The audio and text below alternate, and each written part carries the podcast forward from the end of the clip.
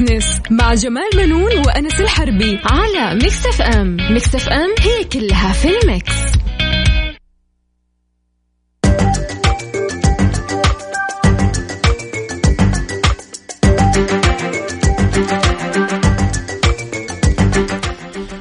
مستمعينا الكرام أهلا ومرحبا بكم. أنا جمال بنون أحييكم من Mix FM برنامج Mix Business. معايا طبعا زميلي مثل كل أسبوع الدكتور أنس الحربي. أهلا وسهلا. أهلا وسهلا فيك أستاذ جمال واهلا وسهلا فيكم مستمعينا في برنامج Mix Business.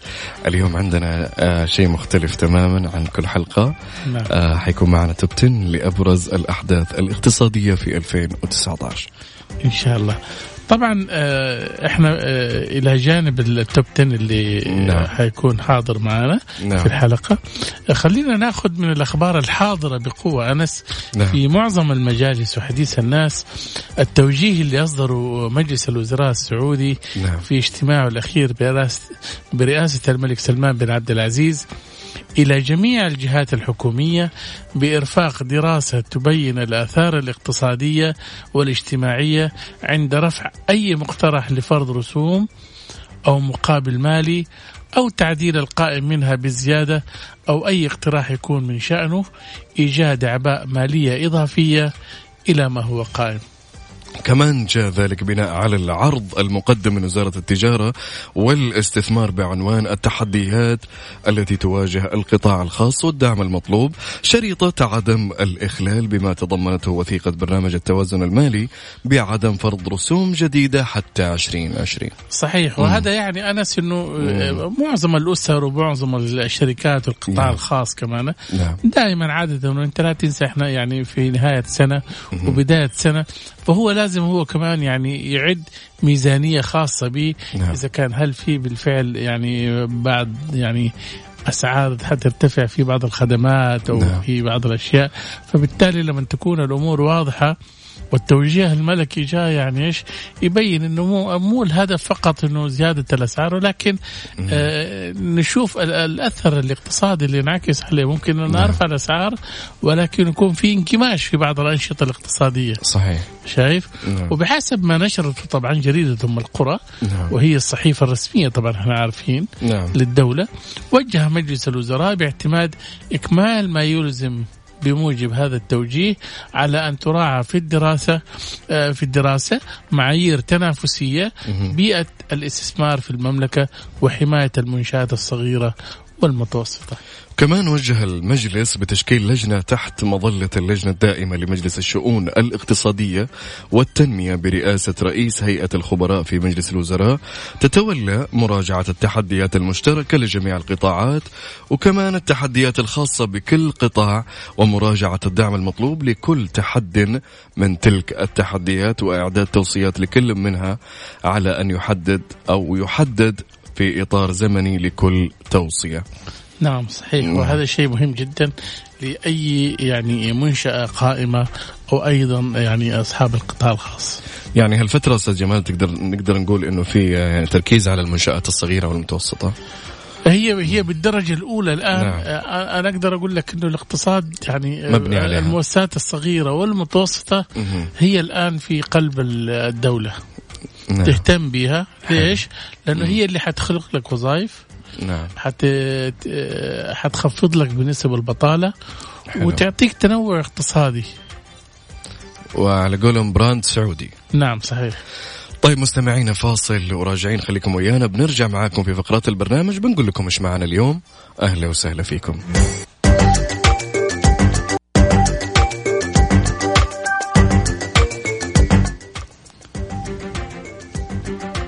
وسهلا مستمعينا الكرام آه، من جديد. آه، أنس طبعا اليوم حل يعني حلقتنا نعم. إضافة إلى هي إنها يعني دسمة وخفيفة نعم. ولكنها مختلفة. نعم. آه، بمناسبة آه، نهاية عام 2019 نعم. حاولنا أن نرصد أهم الأحداث الاقتصادية مهم. آه، التي شهدتها السعودية. طبعا. أكيد أستاذ جمال كمان هناك في كثير من المنجزات على كافة المستويات سواء تعليمية أو صحية أو قطاع رواد الأعمال ودعم المؤسسات الصغيرة. وفي الأخير بناخذ الأبرز ووضعناها في التوب 10 وبنستعرضها اليوم سوا وبندردش عليها. وبيشاركنا في تقييم أداء هالأحداث الأستاذ فهد الثنيان المحلل الاقتصادي حيكون معنا هاتفيا من الرياض. نعم بس خلينا نذكر اخواننا المستمعين نعم. وإخوات المستمعات إنه في فقرة آه، حسبة ونسبة آه، نعم. طرحنا استفتاء ونبغاهم يشاركونا هل لديك جهاز حاسوب في المنزل؟ نعم. ممكن تقول لا ما عندي ممكن تقول نعم ممكن تقول لا ما أحتاجه انت عندك كمبيوتر؟ نعم أنا عندي PC بس في بعض الناس ممكن تفهم الحاسوب بشكل شامل كأنه لابتوب أو ايا كان لا إحنا صح. نقصد ال PC اللي هو ال box نعم صحيح آه هل لا زال عندك هالشيء أو إنك تستخدمه آه أنا أتوقع انه الناس غالبا حولت على اللابتوب لكن أصحاب الأعمال الثقيلة اللي هم شغالين في ال design في الجرافيك في الأشياء هذه لا صح. لا زالوا يحتاجون بالفعل ال box بالفعل, بالفعل. فجاوبونا مستمعين على at Mix FM Radio آه راديو على حسابنا في تويتر. قل لنا عندك إلى الآن ال PC وليش؟ هل أنت تحتاجه كشغل؟ طيب آه اليوم نعتذر منكم مستمعين عن حجب فقرة على السريع. ما حتكون معانا. آه بنخصص اليوم كل الحلقة لتوب 10 آه بالطبع مع فواصل غنائية واستراحات بعيدا عن الأرقام اليوم. ولا يا جمال؟ صحيح. آه مستمعينا فاصل. ونرجع معاكم آه بإذن الله نسولف في التوب 10 خليكم ويانا.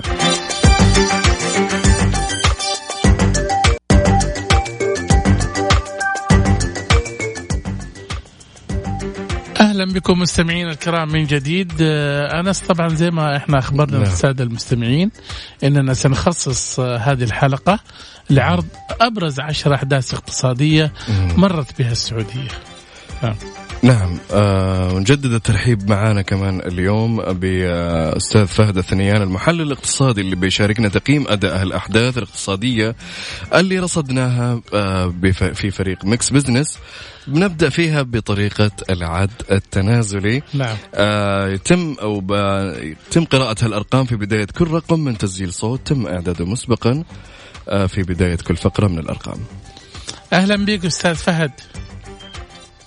ألو جمال بزميلك دكتور أنس أهلا وسهلا الساده والسيدات المتابعين في الإذاعة اليوم. اذا اسمح لنا الآن نبدأ برقم عشرة وبعدين نتكلم معك فيها حولها. تفضل. المركز العاشر. نمبر 10 نتكلم عن المركز العاشر اللي هو الأسهم السعودية تنضم للأسواق الناشئة تعليقك أستاذ فهد طبعا هذا الانضمام آه، نعم. أخذ مجراه على عدة مراحل مه. طبعا هو كان نتيجة عمل كبير على آه، تطوير معايير واجراءات التداول في السوق الأمر اللي يعني يبعث ثقة لدى المستثمر الأجنبي للإقبال. والمشاركة الاستثمار في هذا السوق آه هذا التطور يساهم أيضا في يعني رفع حجم الاستثمار الأجنبي من خلال استثمارات المتدفقه نعم. للسوق السعودي أكيد يساهم طرح أرامكو في السوق هذا اللي راح نتكلم عنه أكثر في أحد النقاط التالية أكيد يضيف لاثر آه، الكبير لانضمام الأسهم السعودية لمؤشرات الاسواق الناشئة. نعم يعني أنت تتوقع إنه ممكن تكون الأسهم أو سوق الأسهم السعودية لما تكون في مؤشر فوتسي للأسواق الناشئة هذه ممكن حيساعدها إنها تجذب استثمارات أجنبية أيضا؟ بالتأكيد إنه ما في سوق آه، يصل المرحله هذه يتاهل ليكون في مؤشرات دولية للأسواق الناشئة إلا إنه آه، آه، تأكد من تطبيق ووضع معايير تتوائم مع يعني معايير الدولية الأسواق الدولية معايير التي يبحث عنها المستثمر الأجنبي فبالتالي السوق السعودي اليوم جاذبيته ليست من يعني حجم الاقتصاد السعودي والفرص المتاحة فيه ب يعني إدراج أرامكو فقط ولكن أنه المجال البيئة بيئة السوق تطورت لتناسب المؤشرات الدولية. صحيح صحيح. أنس نروح رقم تسعة. نعم.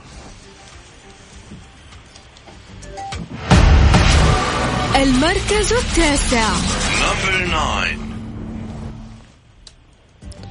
المركز التاسع معانا اليوم عددت الكهرباء الذكية. آه، إيش رأيك فيها أستاذ فهد؟ طبعا عدادات الكهرباء الذكية اليوم نعم. كنت ابحث عن الموضوع. آه العقد اللي ذكر هو حوالي عش... آه تركيب 10 ملايين عداد ذكي. جميع الشركة السعودية بقيمة 9 مليار ونص تقريبا ريال. نعم. آه طبعا له مزايا كثيرة تتعلق آه بأنه العملية تتعدى عملية مثلا قراءه استهلاك عن بعد. آه العملية فيها دقة أكبر للقراءات. آه فيها يعني عمليات يتم أتمتتها كثير ترفع كفاءة آه، يعني آه، الإنفاق في لدى آه، منظومة الكهرباء. يعني خلال البحث الموضوع طبعا كان كلام الموضوع هذا تقريبا ترى قبل يمكن حوالي أربع سنوات. جدوى اجريت لكن اتخذ القرار في 2000 في 2019 نعم تخيل أربع سنوات أتمنى ما يتأخر أكثر. نعم. لأنه درجه الجدوى في 2019 في 2015 نعم. وقالوا إن في عائد إيجابي كبير على الاستثمار. العمر الافتراضي لهذه العدادات حوالي 15 سنة. حتى حلو. قيمة الاستثمار في ذاك الوقت كانت تقريبا تقدر ب 7 مليار. صحيح. واليوم قاعد يتكلم عن 9 ونص.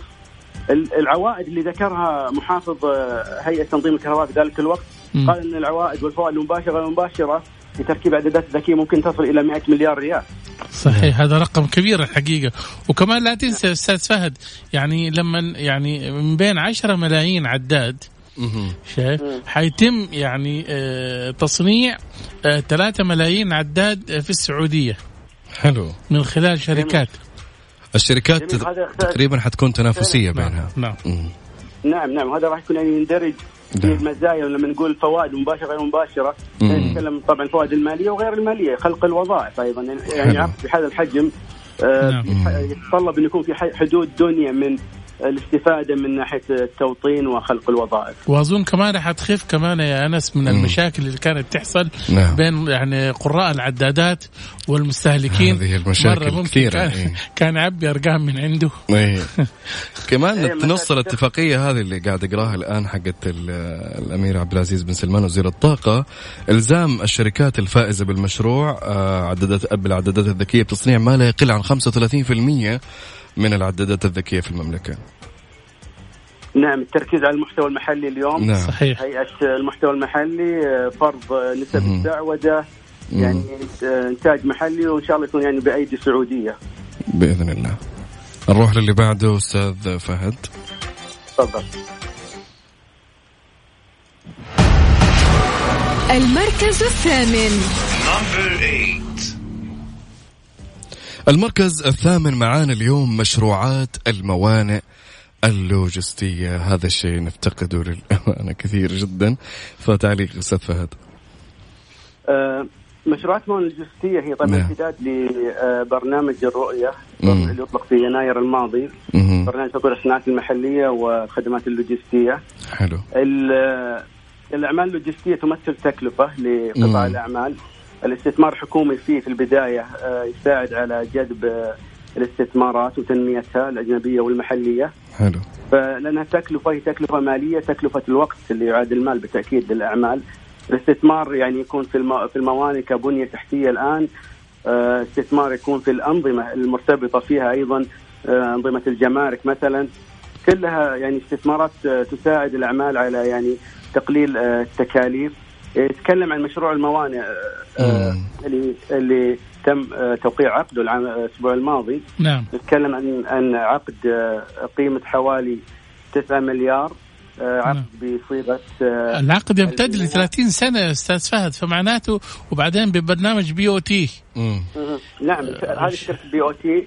إنه آه، بناء آه، تشغيل ونقل الملكيه في النهاية نعم. بعد نعم.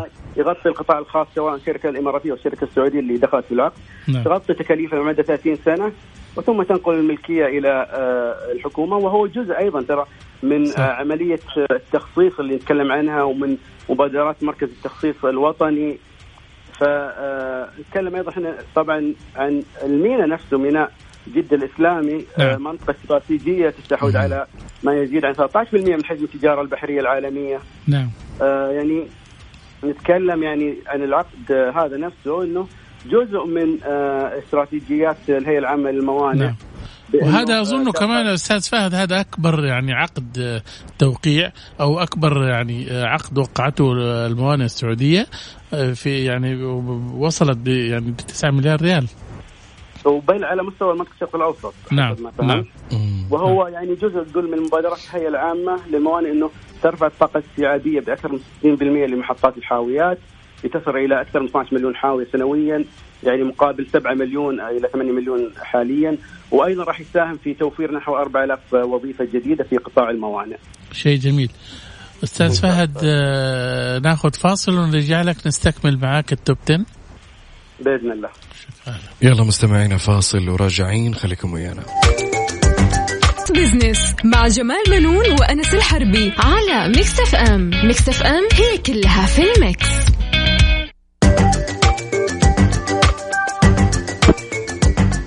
أهلا بكم من جديد مستمعينا الكرام نحن معكم في Mix Business من Mix FM ونواصل عرض أبرز عشر أحداث اقتصادية في 2019 نعم. ونجدد الترحيب بالأستاذ فهد الثنيان المحلل الاقتصادي اللي شاركنا في تقييم أداء أهم الأحداث الاقتصادية التي رصدتها Mix FM. أهلا وسهلا فيك أستاذ فهد. الله يحييكم مجددا. شكرا. نبدأ انتهينا إحنا طبعا آه، إلى ستة وحندخل إن شاء الله في السابع طبعا. نعم. المركز السابع. التأشيرة السياحية أستاذ فهد طبعا واحدة من أهم الأشياء اللي كانت اللافتة في 2019 أنت كيف تقيم؟ آه، أكيد نظام التأشيرات السياحية الممكنات آه، أمر مهم جدا لدعم قطاعات مختلفة آه، يمكن أبرزها قطاع السياحه الواعد في المملكة. يعني تطوير قطاع السياحة وتعظيم العائد من الاستثمار آه، اللي حاصل اليوم فيه. لا يمكن يتحقق بدون تسهيل إجراءات الحصول على تجاره الدخول لأن نعم. تحاول اليوم تقدم منتج للعالم. لا تحاول فقط يعني استعادة الإنفاق إنفاق السعوديين في السياحه الخارجية ولكن أيضا جذب الساحل الخارجي الساحل الدولي لأنك لديك ممكنات لديك إرث تاريخي لديك مقومات سياحية. نعم. فكانت أعتقد أن آه، تسهيل الإجراءات يمكن يكون أهم من بناء آه، البنى التحتية اليوم نعم. لأن إذا لم تتوفر يعني إجراءات آه، اللي تسهل تعظيم العوائد لن يكون هناك جدوى من كل الانفاق هذا في البنى التحتية الأمر هذا نعم. طبعا يمتد أعتقد إلى تأشيرات الأعمال نعم. آه اليوم المملكة يعني قبل شهر أو الشهر الحالي آه بدأت رئاستها لقمة العشرين.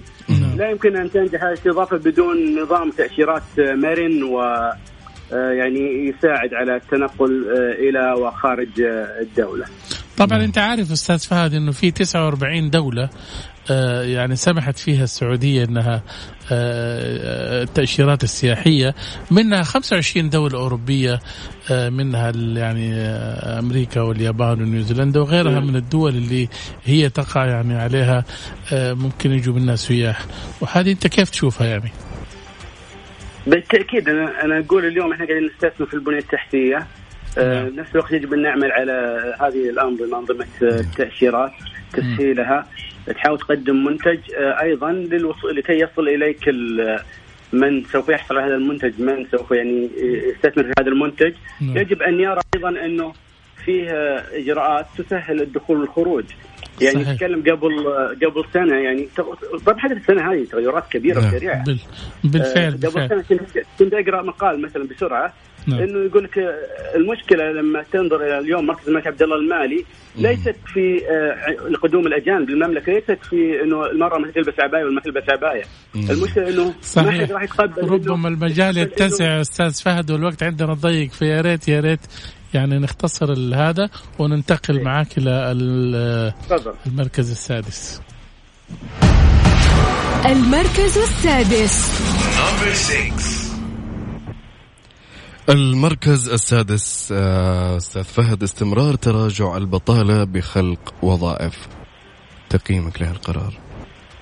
طبعا نتكلم عن البطالة في المملكة. نعم. بشكل عام كاقتصاد البطالة آه، العام الماضي انتهت عن 6% السنة هذه إلى نهاية الربع الثالث في تحسن في انخفاض بنسبة 5 إلى 5.5% حلو. البطالة طبعا بين السعوديين وهي تركيز كبير عليها اليوم. جميل. كانت في نهاية العام الماضي حوالي 12.7% وقبلها يمكن وصلت إلى أكثر إلى 13% آه اليوم في الربع الثالث وصلت إلى 12% آه نلاحظ من بياناتها إنه أغلب يعني التركيز في سبب البطالة أو بين الإناث معدل آه، البطالة حوالي آه، تقريبا 31% نعم. الجيد إنه في القطاع العام تراجعت فجوة التوظيف بين الجنسين تحديدا من عام 2012 2013 تم خلال سعوديات أكثر مكان الاجانب في القطاع العام.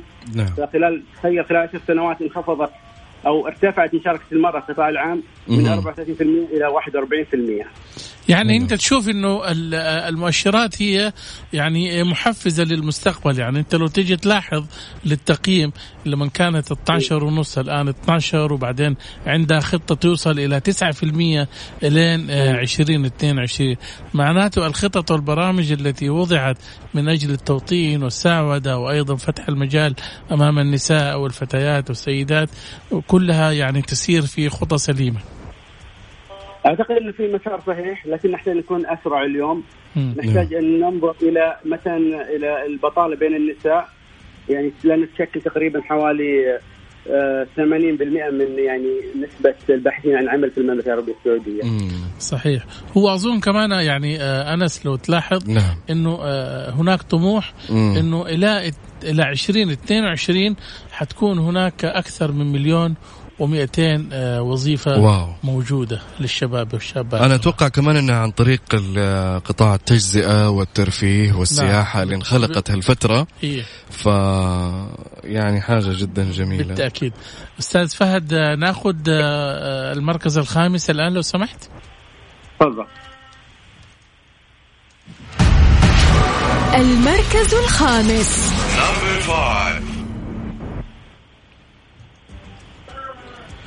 معنا المركز الخامس لليوم مشروعات الطاقة المتجددة أستاذ فهد. فعلا مشروعات الطاقة المتجددة. نعم. استعرض الأمير أمير منطقة الجوف مراحل مشروع محطة طاقة الرياح اللي بدا العمل المنتصف العام الحالي. متوقع أن يبدأ بتوليد يبدأ المشروع توليد الطاقة في نهاية آه، الربع الأخير من عام 2020 حلو. المحطة هي الأولى من نوعها في المملكة والأكبر على مستوى منطقه الشرق الاوسط طاقتها الانتاجيه 400 ميجا وات وتستهدف تغذية حوالي 70 ألف منزل بالطاقة الكهربائية. حلو. آه طبعا هي آه تكون طاقة صديقة للبيئة. آه أيضا آه راح تخدم تفريغ أعتقد آه النفط آه لمشروعات آه ذات عائد آه أجزاء للاقتصاد. آه أيضا يعني هذا المشروع في دومه الجندل هو جزء من البرنامج الوطني للطاقة المتجددة، البرنامج يستهدف انه يكون الطاقة المتجددة حصتها من إجمالي مصادر الطاقة في المملكة حوالي 4% في عام 2020 نعم. والوصول إلى 10% في عام 2023 هو أظن كمان أستاذ فهد يعني آه، الطاقة المتجددة المشروع ده حيساعد في تنوع يعني آه، آه، الطاقة في السعودية. إحنا فقط كنا نعتمد على يعني على النفط في في توليد الطاقة. ولكن لا ممكن نعتمد على الغاز وممكن نعتمد على أيضا مصادر أخرى. فيقلل تخف يعني تكلفة التشغيل أو التكلفة التشغيلية. ولا كيف؟ فعلا هو تنويع مزيج الطاقة من الأهداف الرئيسية. واللي تساهم أيضا في استدامة الطاقة توفير لأجيال المستقبل. وأيضا تفريغ الطاقة إذا كان في استخدامات يكون أكثر جدوى اقتصاديه آه، من آه، استخدامه في آه، إنتاج الطاقة الكهربائية.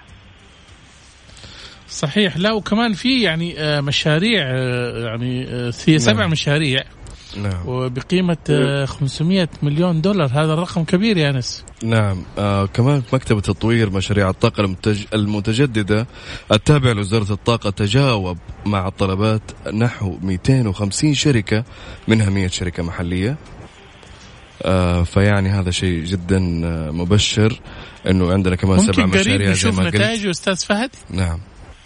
ممكن ممكن نعتبر المشاريع الحالية مشاريع يعني استثمارية إن نستثمر نعم. في هذا القطاع نبحث نحاول نطور راح يكون له أثر كبير حسب دراسات قرأت عنها من حيث التوظيف أيضا خلق نعم. الوظائف في المملكة. شيء جميل، إذا تسمح لنا نأخذ فاصل ونرجع لك. تفضل شكرا. فاصل قصير ومستكملين معاكم توب 10 خليكم ويانا.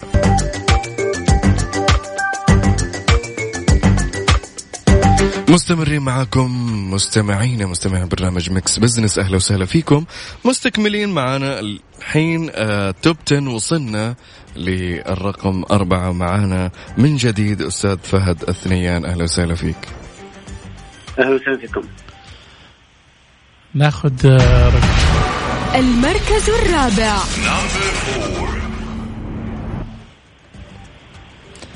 مشاريع الترفيه وتفوق موسم الرياض. آه كيف تشوف هالشيء أستاذ فهد؟ آه موسم الرياض طبعا حصل أرقام قياسية في عدد الزوار. نعم. حاول تجاوز أو قارب 10 مليون زائر حسب ما صرح به معالي رئيس الهيئة. نعم. آه كان استعراض مهم لمدى إقبال السعوديين ورغبتهم بإشباع الحاجة للترفيه. نعم. أعتقد انه استعراض مهم لتشجيع القطاع الخاص على ضخ المزيد من الاستثمارات في هذا القطاع. حلو. الخالق للوظائف ذو العوائد الجيدة. نعم. آه، أخبار اليوم عن فتح المنافذ الحدودية للاشقاء الخليجيين ورفع إقبال منهم خاصة مع انطلاق موسم الشرقية المجاور لهم. آه، في أخبار عن طبعا آه، تواجد كبير للاشقاء الخليجيين في موسم الرياض أيضا. الآن حتى بعد يعني انقضاء الموسم اللي قارب شهر ونصف أعتقد أن الفرصة يعني في مثل هذه المشاريع اليوم حصل استعراض للقدرات للإمكانيات تشجيع كان القطاع الخاص إنه يعني يشوف إيش المتوفر إيش الإمكانيات.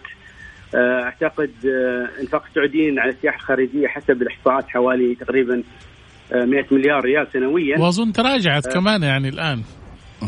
هذا المفترض إنها تتراجع وما تزيد بنفس يعني المعدلات السابقة. فيعني خلونا نحاول يعني ما نقول الناس ما راح تسافر برا. نعم. تستكشف مناطق أخرى لكن خلونا نسترجع جزء منها.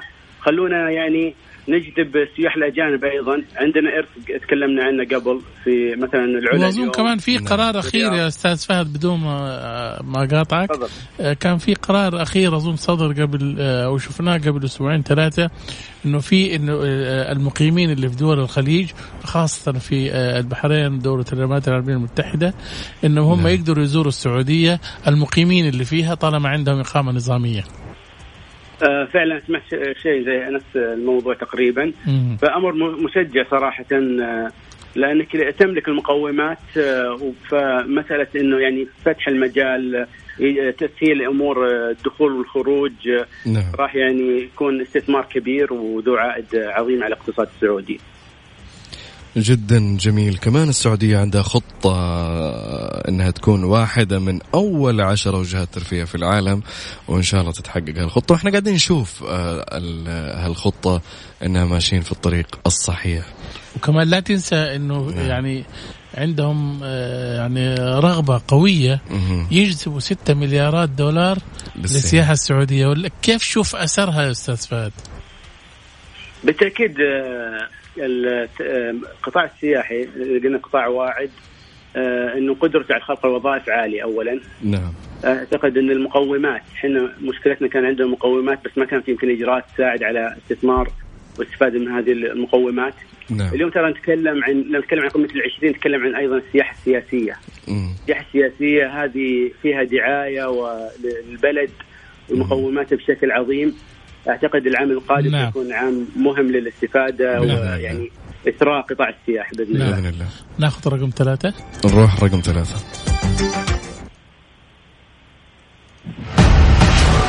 المركز الثالث. طبعا في المركز الثالث آه، آه، ضم الرقابة يعني آه، والتحقيق والمباحث الإدارية إلى هيئة مكافحة الفساد. هذه كانت رسالة قوية للف يعني آه، نعم. لكل من يحاول أن يعني يستغل المال العام أو يستغل سلطته نعم. في إنه هو يعني الكسب الغير مشروع. أنت كيف شفت القرار هذا يا أستاذ فهد؟ طبعا طبعا منظومة مكافحه الفساد جالسه تتطور بشكل كبير في السعودية. نعم. منذ نهاية العام 2017 لما بدأت الحملة الكبيرة على الفساد. كانت رساله واضحة للجميع إنه لم يتم لن يتم التساهل مع أي كائن من كان. نعم حلو. آه قرار ضم الهيئة الرقابة والتحقيق آه والمباحث الاداريه إلى جانب مكافحة الفساد نعم. يهدف إلى استدامة تنظيمية لمكافحة الفساد. حلو. استدامة عمل آه هذه المنظومة العمل يعني جاري وبشكل كبير. تكلم عن الماضي مثلا تم استعادة 9 مليار ريال آه، من طريق آه، ديوان المراقبة نعم السنة هذه حوالي 22 مليار. ممتاز. في عمل كبير والأرقام يعني تدعم هذا العمل. وإن شاء الله يكون العمل الآن بعد هذه الضم هذا التغيير الإداري أو التنظيمي إنه آه، يكون في استدامة أكبر وحفاظ على آه، موارد وممتلكات وأظن كمان ما أدري أستاذ فهد إذا كان تفتكر معايا قبل كم يوم قريت خبر إنه يعني في مجموعة من مؤسسة النقد أو جهة حكومية سافروا إلى سويسرا لاستعادة الأموال المنهوبة. آه اي ففي في تعاون تعاون كبير طبعا المملكة نعم. لما تتكلم عن الفساد مكافحة الفساد مكافحة غسيل نعم. الأموال والأمور هذه نعم. المملكة انضمت لمجموعة العمل الدولي أثبتت يعني قدراتها و يعني نالت آه، صحيح. آه، حق انضمام لهذه المجموعة. وكمان صار تركيز الآن على الموظف العادي بما يقارن بدخله يعني على الأموال اللي تدخل له الآن، يعني الآن مثلا مواطن دخله مثلا زي ما قال أول أستاذ جمال 2000 ريال ففجأة دخل في حسابه مثلا 100000 أو مليون فأكيد يتساءل فيها. طبعا مبدأ مبدأ نعم. من اين لك هذا؟ نعم أكيد نعم. نخش على المركز الثاني يا أستاذ فهد المركز الثاني. المركز الثاني آه، معانا اليوم مشاريع الإسكان ووزارة الإسكان. كيف تقييمك للإسكان؟ طبعا نعم. آه بالتزامن مع إعلان ميزانية 2020 نعم. تم استعراض منجزات العام 2019 نعم. آه وزير الإسكان صرح بأنه تم خدمة 300 ألف أسرة سعودية خلال العام 2019 مقارنة ب 200 ألف آه، أسرة مستهدفة. مبدئيا آه شفنا أن التمويل العقاري أيضا آه يعكس الجهود الكبيرة في مجال الإسكان. نعم. حوالي 60 مليار ريال قروض آه عقارية في العشر الأشهر الأولى من العام الحالي. حوالي ثلاث أضعاف نفس الفترة العام الماضي. في العشر شهور الأولى من العام الحالي حوالي 135 ألف عقد. تمويل عقاري مقارنة ب 37 ألف عقد فقط في نفس الفترة العام الماضي. كل هذه الجهود آه، ساهمت اليوم في ارتفاع نسبة تملك المساكن بين الأسر السعودية إلى 62% بالرغم من أن المستهدف للعام 2020 هو 60% فنحن في 2019 نجحنا أعتقد في نعم. تخطي آه، وليس فقط تحقيق مستهدفات 2020 ممتاز. ب 2030 مستهدف حوالي 70% صحيح. أيضا نشاهد الأثر آه، في انخفاض إيجارات المساكن اليوم. حلو. انخفضت بحوالي يعني 7 إلى 8% على أساس سنوي. في فرق واضح آه في الإيجارات نعم. إيه. حتى إنه في شهر يعني حسب صحيفه اقتصادية في شهر يونيو نعم. الماضي كان أكبر نسبة انخفاض في الإيجارات إيجارات المساكن منذ 30 31 عام بنسبة تقريبا 9% ممتاز. هو أظن كمان أستاذ فهد يعني آه اللي خلى آه يعني مشاريع الإسكان في المركز الثاني في المرتبة عندنا نعم. في القائمة أول شيء لا تنسى قبل سنتين أو ثلاث سنين كانت مشاريع يعني بالنسبة للحصول على سكن بالنسبة للمواطن كان شيء مستحيل. نعم. والناس طلعت نكت كثيرة عليها.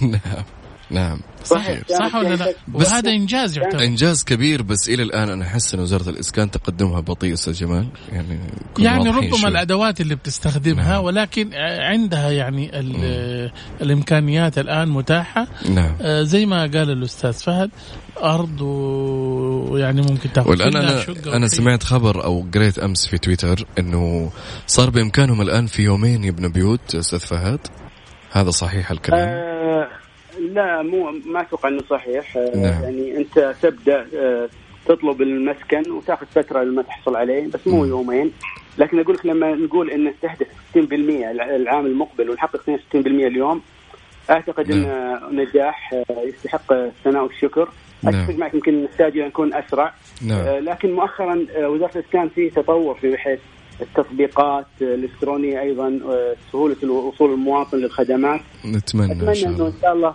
إن شاء الله العام الماضي آه، عفوا العام القادم يكون آه، في تحسن أكبر في نسبة التملك. إن شاء الله. ويعني تعكس على رفاهية المواطن. إن شاء الله بإذن أكيد طبعا. طيب معانا الأخير اللي هو 1 نشوف نخش عليه. المركز الأول. نمبر 1 طبعا آه، أستاذ فهد آه، المركز الأول تصدروا الحقيقة آه، اكتتاب ارامكو لأنه هو الأكبر في العالم صراحة. وفي أكثر من سبب يخليه الأول لأنه ارامكو كانت يعني ما كانت في حسبان أحد ان هي نعم. ممكن تطرح للاكتتاب. نعم. أعطينا كذا تقييمك. كتاب ارامكو بدأ الحديث عنه تقريبا منذ ثلاث سنوات تقريبا. نعم. وكان في تداولات أخذ ورد في الموضوع. أه لكنه في النهاية يعني حدث نعم. وتحقق أه هذا العام. نتكلم آه، عن نجاح كبير في هذا الاكتتاب الأفراد اكتتبوا بحوالي واحد ونص واحد آه، ونص آه، مرة يعني من الكمية المتوفرة لهم. المؤسسات اكتتابها كان ستة أضعاف ما هو متاح لهم. الحكومة في تسعيرها للسهم أيضا يعني تركت بعض المال زي ما يقال يعني للمساهمين على الطاولة. يعني ارتفع السهم منذ إدراجه بحوالي 10 11% نعم. اعلى من سعر الطرح واكتساب النهائي. نعم. الشركة اليوم قيمتها وصلت إلى 1.9 تريليون دولار تقريبا مقارنة ب 1.7 نعم. آه، قيمة الصرف سوق الأسهم السعودي يعني أصبح اليوم تقريبا التاسع عالميا. نعم. آه ف يعني نتكلم عن سوق الأسهم السعودي اللي اثر عليه تخيل إنه من بداية العام سوق الاسهم السعودي ارتفع المؤشر بحوالي 6.7% آه مؤشر جيد. جدا. آه. من بدايه من بداية العام 6.7 نعم. تخيل إنه من بدء تداول أرامكو ارتفع 6.2% فمعناته معظم الارتفاع جاء من أرامكو. نعم. فأرامكو أعطت زخم كبير. دعمت. وإن شاء الله مع نعم. مع تحسن معايير السوق وإجراءاته انضمام المؤشرات الدولية راح يكون في جاذبية أكبر للسوق و يعني آه، نرى إقبال أكبر من الاستثمار الأجنبي في هذا السوق. نعم صحيح. أستاذ فهد الحقيقة أشكرك جدا لأنك أنت شاركتنا في تقييم آه، أهم الأحداث الاقتصادية اللي رصدتها Mix F. شكرا جزيلا شكرا لكم شكرا يعطيك ألف عافية أستاذ فهد. المستمعين. شكرا لك حياك الله. كان معنا أستاذ فهد الثنيان المحلل الاقتصادي من الرياض علق وقيم معنا الأحداث فشكرا جزيلا له. ننتقل أستاذ جمال على طول على حسبه ونسبة بما أنه الوقت قاعد يحصرنا.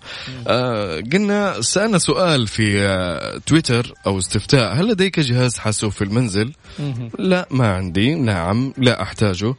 آه نشوف النسب الآن على تويتر. النسبة الأعلى بيقولوا آه نعم, نعم. شايف؟ 62% نعم. نعم. وهذا مؤشر إيجابي شوف يعني شيء نعم. طبيعي. نعم أكيد طبعا. آه ليش؟ لأنه اليوم كل الخدمات الحكومية سواء أبشر وغيرها كل أفراد الأسرة في البيت بيستخدموها. نعم. فبالتالي مو بس الجوالات ولكن يحتاج إنه يطبع أوراق. اليوم عندنا إحنا نسبة آه يعني الطلبة يعني آه بيستخدموا كثير من كثير. الأوراق وأشياء. نعم. فبالتالي يحتاجوا إنهم يطبعوا. اليوم آه استخدام أجهزة الحاسب الآلي. طبعا آه شوف هو عالميا في تراجع في نعم. استخدام الحاسب التقليدي. اللي هو ال desktop أيه الصندوق. اي نعم. نعم. ولكن الآن في بديل عندنا ال iPad نعم. وعندنا ال laptop. ال laptop وفي الآن تقنيات البلوتوث وغيرها أنت ممكن نعم. تشبكها في أي مكان نعم. وتطبع وغير كذا تسوي كل شيء نعم. بجوالك الآن تسوي كل حاجة الآن. صحيح. فمختصره الدنيا. كمان قلنا عندنا معلومات نبغى ندردش فيها شوي. آه تمتلك أكثر آه من 53% من الأسر السعودية في المملكة جهاز حاسوب.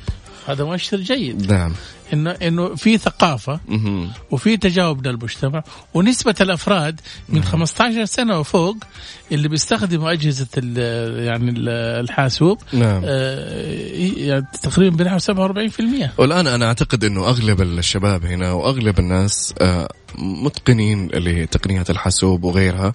يعني هالجيل الجيل ما شاء الله كله فاهم كل حاجة. مو إحنا جيلنا ما ما كنا نفهم صح صراحة ولا تنسى الحين. اي صحيح. ولا تنسى هو مو بس أجهزة الحاسوب اللي تنتعش. لما أنت تشتري حاسوب نعم. شايف؟ بتنتعش معاها. نعم. بقية الأشياء بتشتري. طابعة بتشتري أجهزة بتشتري غيرها. نعم. وإحنا سوقنا 4 مليار دولار سنويا بنصرفها في أجهزة الكمبيوتر. طيب مستمعينا وصلنا لنهاية الحلقة. على قولهم بالثانية وبالملي.